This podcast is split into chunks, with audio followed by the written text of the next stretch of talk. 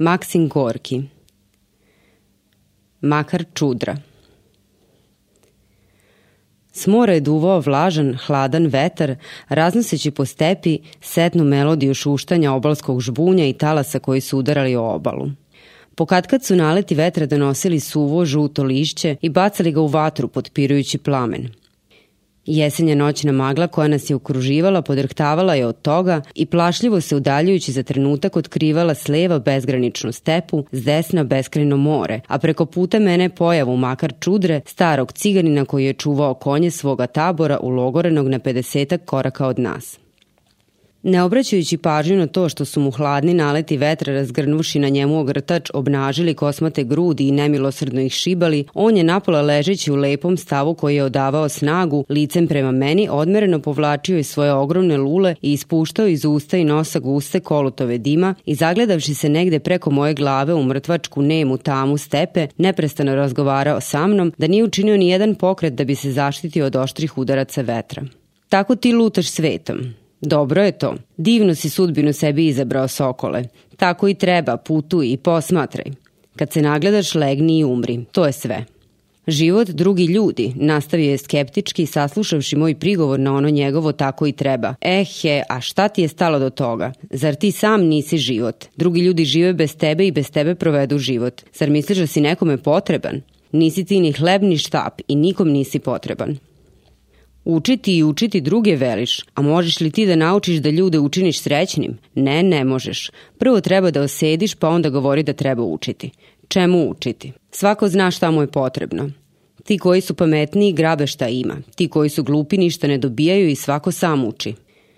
Smešli su oni, ti ljudi. Stisli se u gomilu i dave jedan drugog, a mesta na zemlji gle koliko. Zamahom ruke on pokaza na stepu. I svi rade. Zašto? Kome? Niko to ne zna. Vidiš kako čovek ore i misliš, eto on će uz noju svoju snagu kap po kap iscediti na zemlju, a onda će leći u nju i u njoj istruliti. Ništa posle njega neće ostati, ništa on ne vidi sa svoje njive i umire kao što se i rodio, budala. Šta, zar se on rodio zato da bi pročeprekao po zemlje, a onda umro ne stigavši čak ni samom sebi grob da iskopa? Zar on zna šta je sloboda? Zar razume prostranstvo stepe? Zar govor talasa u stepi veseli njegovo srce? On je rob od rođenja, čitavog života je rob i ništa više. Šta on sa sobom može da učini? Jedino da se obesi ako postane pametniji. A ja, eto, vidiš, za 58 godina toliko sam video da ni u hiljadu takvih torbi kao što je tvoja ne bi stalo ako se sve to stavi na papir. A možeš li mi pokazati kraj u kome nisam bio? Ne možeš. Ti nisi nikad ni čuo za takve krajeve u kojima sam ja bivao. Tako treba živeti. Putuj, putuj i u tome je sve.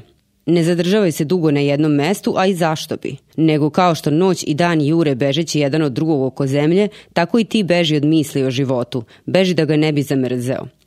Počneš li da razmišljaš, zamrzećeš život. Uvek tako biva. I sa mnom se tako desilo. Uh, desilo se sokole. U Galiciji sam ležao u tamnici. Zašto li ja živim na svetu, pomislio sam iz dosade. Dosadno je u tamnici sokole, u kako je dosadno i obavila mi se tuga oko srca pri pogledu napolje kroz prozor. Obavila se i stegla kao kleštima. Niko ne zna zašto živi. Ne zna sokole. I zato o tome sebe ne treba pitati. Živi i sve je u tome. Pođi svuda i posmatraj sve oko sebe, nikad te onda neće obuzeti tuga. A tada malo je trebalo pa da se zadavim kaišem. Tako je to. Eh, razgovarao sam sa jednim čovekom. Čovek ozbiljan, jedan od vaših, Rus. Potrebno je, kaže on, živeti. Ne tako kako ti hoćeš, već tako kako Bog zapoveda. Pokoravaj se Bogu i on će ti dati sve što od njega zatražiš. A on sam sav iscrpljen u dronjcima. Ja mu onda rekoh da on za sebe od Boga zatraži novo odelo. Naljuti se i otera me grdeći. A dotle govorio da ljudima treba praštati i voleti ih. Trebalo je da i meni oprosti ako su moje reči uvredile njegovo gospodstvo. Učitelj, svaki tako. Uče nas da manje jedemo, a sami jedu po deset puta dnevno. On pljunu u vatru i začuta puneći ponovo lulu. Vetar je tužno i prigušeno zavijao. U tami su rezali konji, a iz tabora je dopirala nežna i strasna melanholična pesma. To pevala je potica Nonka, čerka Makarova. Poznavao sam njen duboki i puni glas koji je uvek zvučao nekako čudno, nezadovoljno i zapovednički, bilo da peva ili kaže prosto zdravo. Na njenom crmpurastom tamnom licu uvek je bio prisutan ohol izraz carice, a u tamno smeđim očima, uvek preučenim nekakvom senkom, blistala je svest o neodoljivosti njene lepote i prezir prema svemu što nije ona sama. makar mi pruži lulu. Na, puši. Lepo peva cura, a? A? Bili hteo da te takva zavoli? Ne? Dobro, tako i treba. Ne veruj devojkama, što dalje od njih. Curi je prijatnije i milije da se ljubi nego meni da pušim lulu. A poljubiš li je svršeno je sa slobodom tvoga srca. Privezat će te uza se nečim nevidljivim, nečim što ne možeš raskinuti i svu dušu ćeš joj dati. Tačno je to, čuvaj se devojaka, lažu uvek. Volim te govore, više od svega na svetu, a bocneš li je čiodom rasrgnuće ti srce. Znam ja, oho koliko toga ja znam, pa sokole hoćeš li da ti ispričam jednu istinitu priču. A ti je upamti i ako je upamtiš uvek ćeš biti slobodan kao ptica. Živeo je na svetu neki dobar mladi ciganin, Lojko Zobar. Čitava Mađarska i Češka i Slavonija i sve što je oko mora znalo je za njega. Hrabar je bio to momak. Nije bilo sela u tim krajevima u kome se bar nekoliko ljudi nije bogom zaklinjalo da će ubiti Lojka, a on živ i zdrav, a još uz to ako mu se dopadne neki konj ti postavi čitav puk vojnika da ga čuva, svejedno će Zobar na njemu odjahati.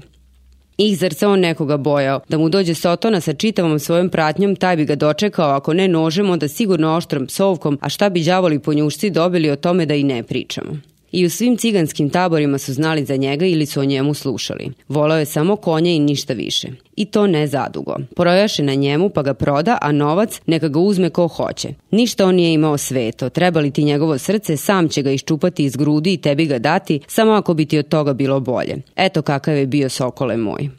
Naš tabor je u to vrijeme čergario po Bukovini. To je bilo pre desetak godina. Jednom noću u proleće sedimo mi, ja, Danilo, Voje koji je zajedno sa Košutom vojevao, stari Nur i svi ostali i Rada Danilova kćer.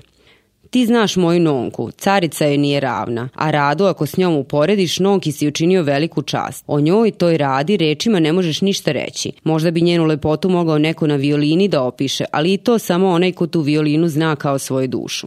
Mnogo momačkih srca je ona uništila. O, o, kako mnogo. U Moravskoj je video neki bogataš, star, čubast, video i zanemeo.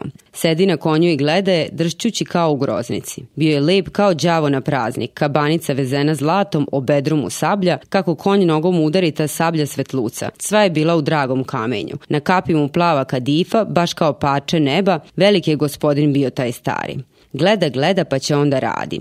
Hej, devojko, poljubi me, daću ti kesu zlata. A ona se okrenu u stranu i ništa više. Oprosti ako sam te uvredio, bar me pogledaj ljubaznije. Odmah spusti durbin stari bogataš i baci joj pred noge kesu. Veliku kesu, bratac moj. A ona je kao nevažnu grunu nogom u blato, eto ti. Eh, devojko uzdahnu ovaj Jošinu konja, a za njim se podiže oblak prašine.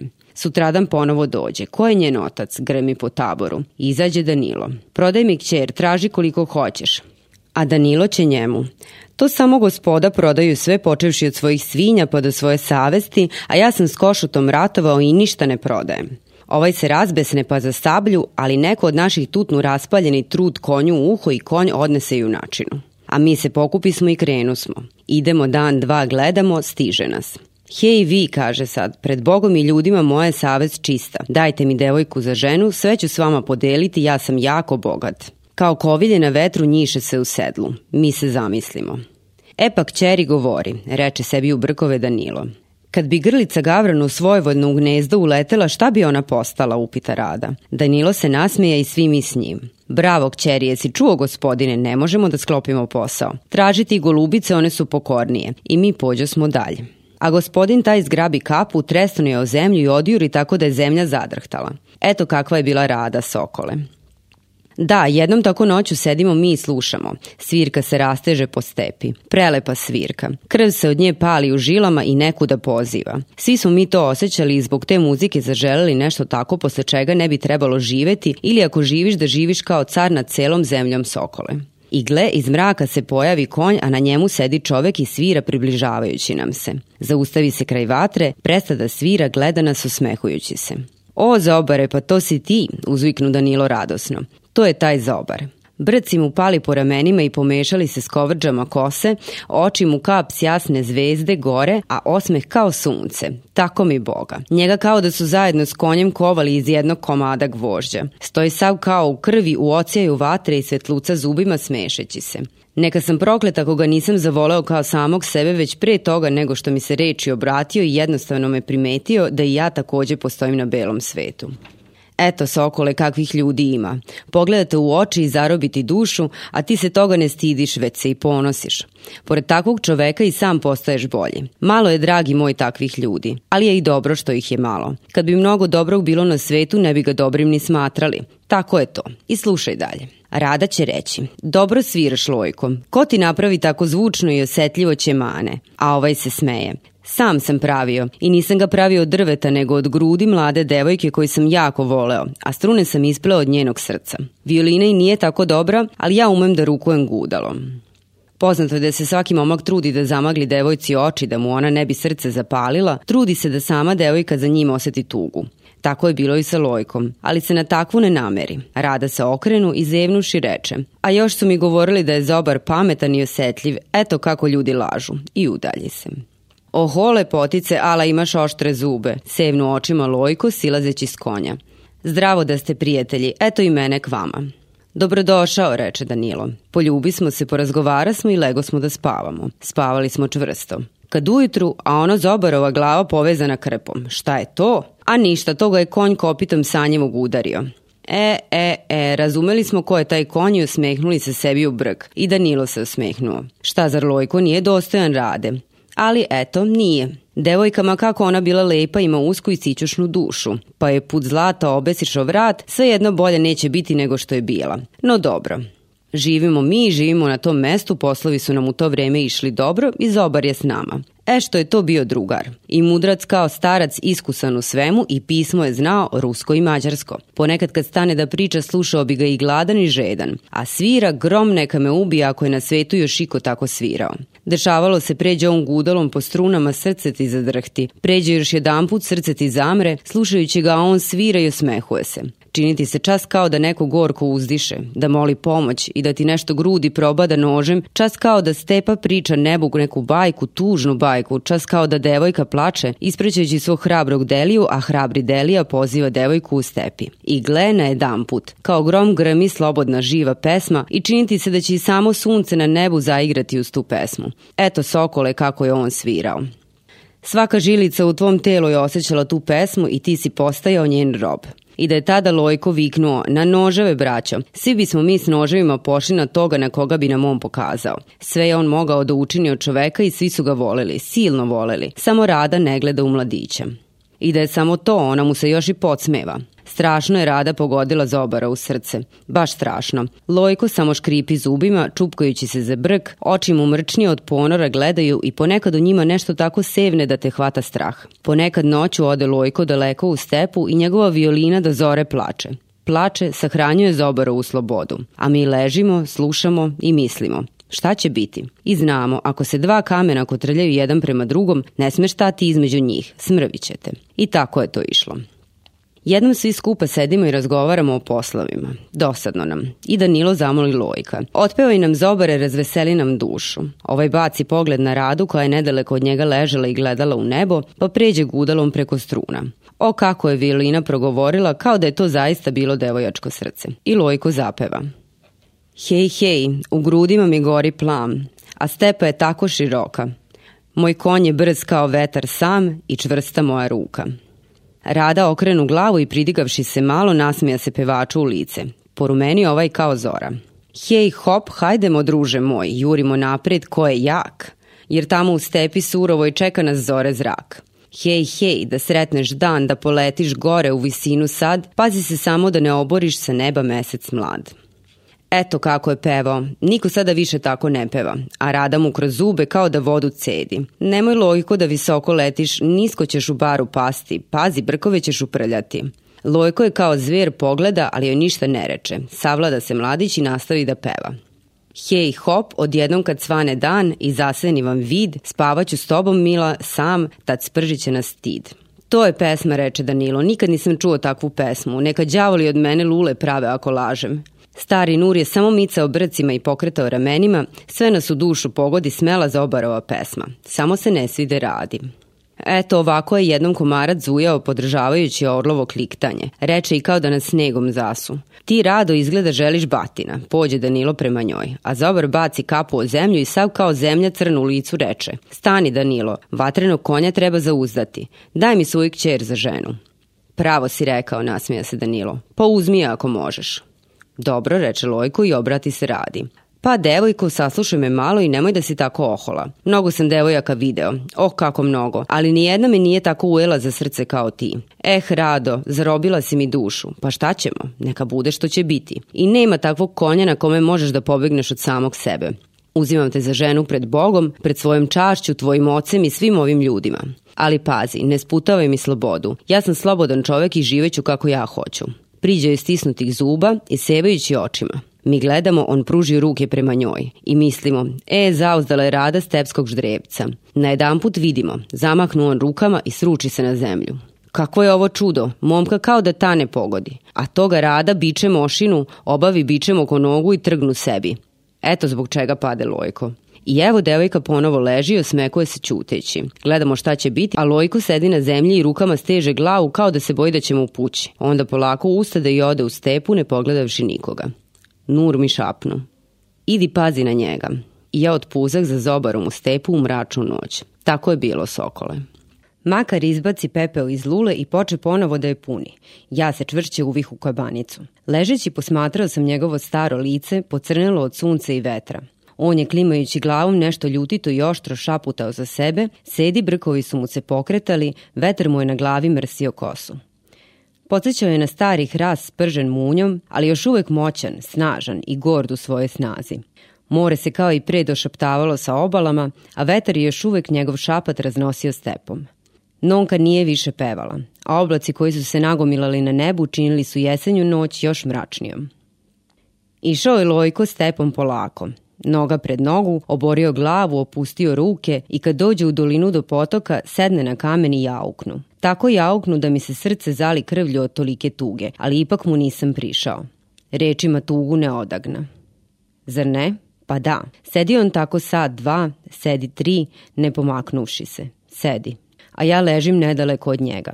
Noć je svetla, mesec srebrom čita u stepu posrebrio i vidi se nadaleko. Odjednom vidim, Iz tabora se žurno približava Rada.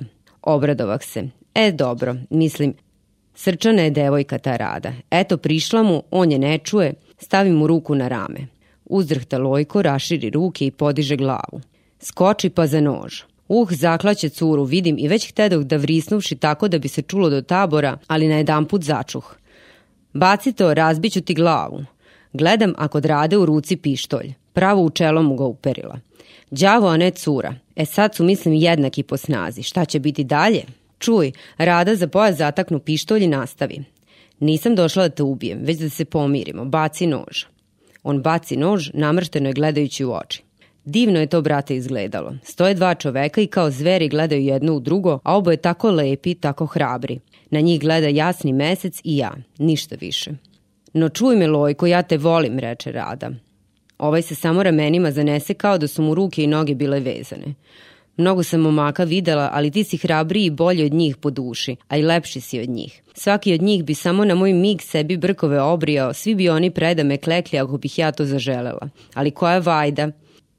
Oni i onako nisu bog zna kako srčani i sa mnom bi postali prave babe. Malo je na svetu tako hrabrih cigana, malo lojko. Nikad nisam nikog volela lojko, a tebe volim. Ali ja volim još i slobodu. Slobodu, Lojko, volim više od tebe, a bez tebe ne mogu da živim kao što ni ti ne možeš da živiš bez mene. Tako eto, ja hoću da ti budeš moj dušom i telom, čuješ li me? Ovaj se osmehnu. Čujem, srce mi se veseli kad te sluša. Hajde reci još nešto. A još i ovo, Lojko, makoliko se otimao, ja ću te savladati, bit ćeš moj. Zato ne gubi uzalud vreme. U buduće te čekaju moji poljubci i moja milovanja. Strasno ću te ljubiti, Lojko. Pod mojim poljubcima ćeš zaboraviti svoj junački život i svoje radosne pesme kojima se tako raduju cigani, junaci. Neće se one više razlegati stepom, pevaćeš ih meni, radi, nežne ljubavne pesme. Zato ne gubi uzalud vreme, rekla sam, a to znači da ćeš se sutra pokoriti meni kao starijem drugu junaku. Poklonit ćeš mi se do nogu pred čitavim taborom i poljubit ćeš mi desnu ruku. Tada ću biti tvoja žena. Gle šta je smislila đavolska cura. Tako nešto se nikad nije ni čulo ni videlo. Samo u staro vreme, kako su kazivali starci, bilo je tako nešto kod crnogoraca, ali kod cigana nikada. E, pa Sokole, smisli ako možeš nešto tako smešno, da godinu dana lupaš glavom nećeš tako nešto izmisliti. Skoči tada Lojko i kriknu da se zaori po stepi, kriknu kao da je u grudi pogođen. Uzdrhtala i rada, ali se ne oda. I tako, s Bogom do sutra, a sutra ćeš učiniti što sam ti naredila, jesi li čuo? Čuo sam, učinit ću, prostenja zobar i pruži prema njoj ruke. Ona se i ne osvrnu na njega, a on se zatetura kao stablo oboreno vetrom i pade na zemlju, ridajući i smejući se. Eh, kako je zaludila Deliju prokleta rada. Jedva ga dovedok svesti. Eh, kome đavolo je potrebno da ljudi tugu tuguju? Ko voli da sluša kako stenje ljudsko srce, razdirujući se od jada. Eto ti pat budi pametan. Vratih se dakle u tabor i ispričak sve starcima. Razmislili su o svemu i odlučili da pričekaju i da vide šta će od svega toga biti. A evo šta se dogodilo. Kada smo se svi skupili uveče oko vatre, dođe Lojko. Bio je zbunjen i za jednu noć strašno smršao, oči mu upale. Spusti pogled i podižući ga reče. Evo u čemu je stvar, prijatelji. Ove noći sam ispitivao svoje srce i u njemu više nema mesta starom slobodnom mom životu. U njemu sada živi rada. I to je sve. Evo i nje lepotice rade, kako se osmehuje kao carica. Ona voli svoju slobodu više od mene, a ja više volim nju od svoje slobode i odlučio sam da joj se poklonim do nogu kako mi je naredila, da bi svi videli kako je njena lepota pokorila hrabrog lojka zobara, koji se pre nje titrao devojkama kao soko patkama. A onda će mi ona postati žena i milovaće me i ljubiti tako da više neću zaželeti ni pesme da vam pevam, ni za slobodom svojom neću žaliti. Je li tako rado? On podiže oči i tužno je pogleda. Ona će uteći i strogo klimnu glavom i rukom pokaza na svoje noge. A mi smo gledali i ništa nismo razumeli. Čak smo poželeli da negde odemo, samo da ne vidimo kako Lojko Zobar kleči pred devojkom. Pa bila ta devojka i rada. Zbog nečeg nas je bilo stid, bilo nam je žao i bili smo tužni. Dakle, reče Rada Zobaru. Eh, ne žuri, stići ćeš i dosadit će ti još. Nasmeja se on, nasmeja se kao da je čelik zazvečao. Tako eto stoji stvar, prijatelji moji. Šta još ostaje? Ostaje da probam da li je kod moje rade srce tako čvrsto kao što ona tvrdi. Probaću, oprostite mi, braćo. Nismo još stigli ni da shvatimo šta namerava zobar, a rada već leži na zemlji, u grudi joj do ručke zaboden krivi zobarov nož. Mi se ukočili. A Rada iščupa nož, odbaci ga u stranu i zatvorivši ranu pramenom svoje crne kose, usmehujući se, reče glasno i razumljivo. Zbogom, Lojko, znala sam da ćeš tako postupiti. I izdahnu. Jeste li razumeo devojku Sokole? Neka sam proklet za večita vremena ako to nije bila đavolska devojka. Eh, i poklonit ću ti se do nogu kraljice Gorda. Grnu lojko da se stepa zaorila i bacivši se ničice, dodirnu usnama noge mrtve rade i za neme skamenjen. Mi smo skinuli kape i stajali ćuteći. Šta je velično to, Sokole? Da, da, tada Nur reče. Trebalo bi ga vezati. Nema te ruke koja bi se podigla da veže lojka zobara, niko ne podiže ruku, ali Nur je to znao. Mahnu rukom i krenu. Tada Danilo podiže nož koji je bacila Rada i dugo ga posmatraše mičući sedim brcima. Na nožu se još nije bila ohladila Radina krv i bio je tako kriv i oštar. A onda Danilo priđe zobaru i zari mu nož u leđa baš tamo de srce. Stari vojak Danilo bio je isto tako i Radin otac. E tako, okrenuši se Danilu, razgovetno reče Lojko i ode da stigne Radu. A mi smo gledali. Rada je ležala, pritisnuši na grudi pramen kose, a njene otvorene oči bile su uprete prema plavom nebu. Do njenih nogu ležao je hrabri lojko zobar. Lice mu se nije videlo od kovrđa kose koja je preko njega pala. Stajali smo zanemeli, podrhtavali su brkovi starog Danila i namrgodile se njegove guste obrve. Gledao je u nebo i čutao, a Nur, beo kao sneg, pade ničice na zemlju i zaplaka tako da su se tresla njegova staračka ramena. A imalo se i zašto plakati sokole. Ideš li, idi svojim putem, ne skreći u stranu. Ideš li pravo, možda i nećeš uzalud propasti. I to je sve sokole. Makar začuta i staviši lulu u duvan kesu zakopčana grudima kabanicu. Sipila je sitna kiša. Vetar je postajao jači, more je tutnjalo, potmulo i srdito. Konji su jedan za drugim prilazili vatri koja se gasila i gledajući na svojim krupnim pametnim očima stajali nepokretni stvarajući oko nas zbijen krug. Hop, hop, ohoj, viknu im nežno makar i potapkavši dlanom vrat svoga omiljenog vranca, ponovo mi se obrati. Vreme je da se spava, zatim pokri glavu kabanicom i ispruživši se snažno po zemlji učuta. Meni se nije spavalo. Gledao sam u stepsku tamu, a u vazduhu je pred mojim očima lebdeo carski lep i gord radin lik. Svoju ruku s pramenom crne kose pritisnula je na ranu na grudima, a kroz njene crmpuraste i tanke prste kap po kap tekla je krv i padala na zemlju kao vatrano crvene zvezdice. Za njom u stopu lebdao je smeli momak Lojko Zobar. Njegovo lice su pokrivali pramenovi gustih crnih kovrđa, a ispod njih su promicale česte, hladne i krupne suze. Kiša je padala sve jače, a more je pevalo mračnu i svečanu himnu gordom i lepom ciganskom paru, Lojku Zobaru i Radi, kćeri starog vojaka Danila. I njih oboje su kružili po noćnoj tami, polako i nemo, a lepi Lojko nikako da stigne gordu radu.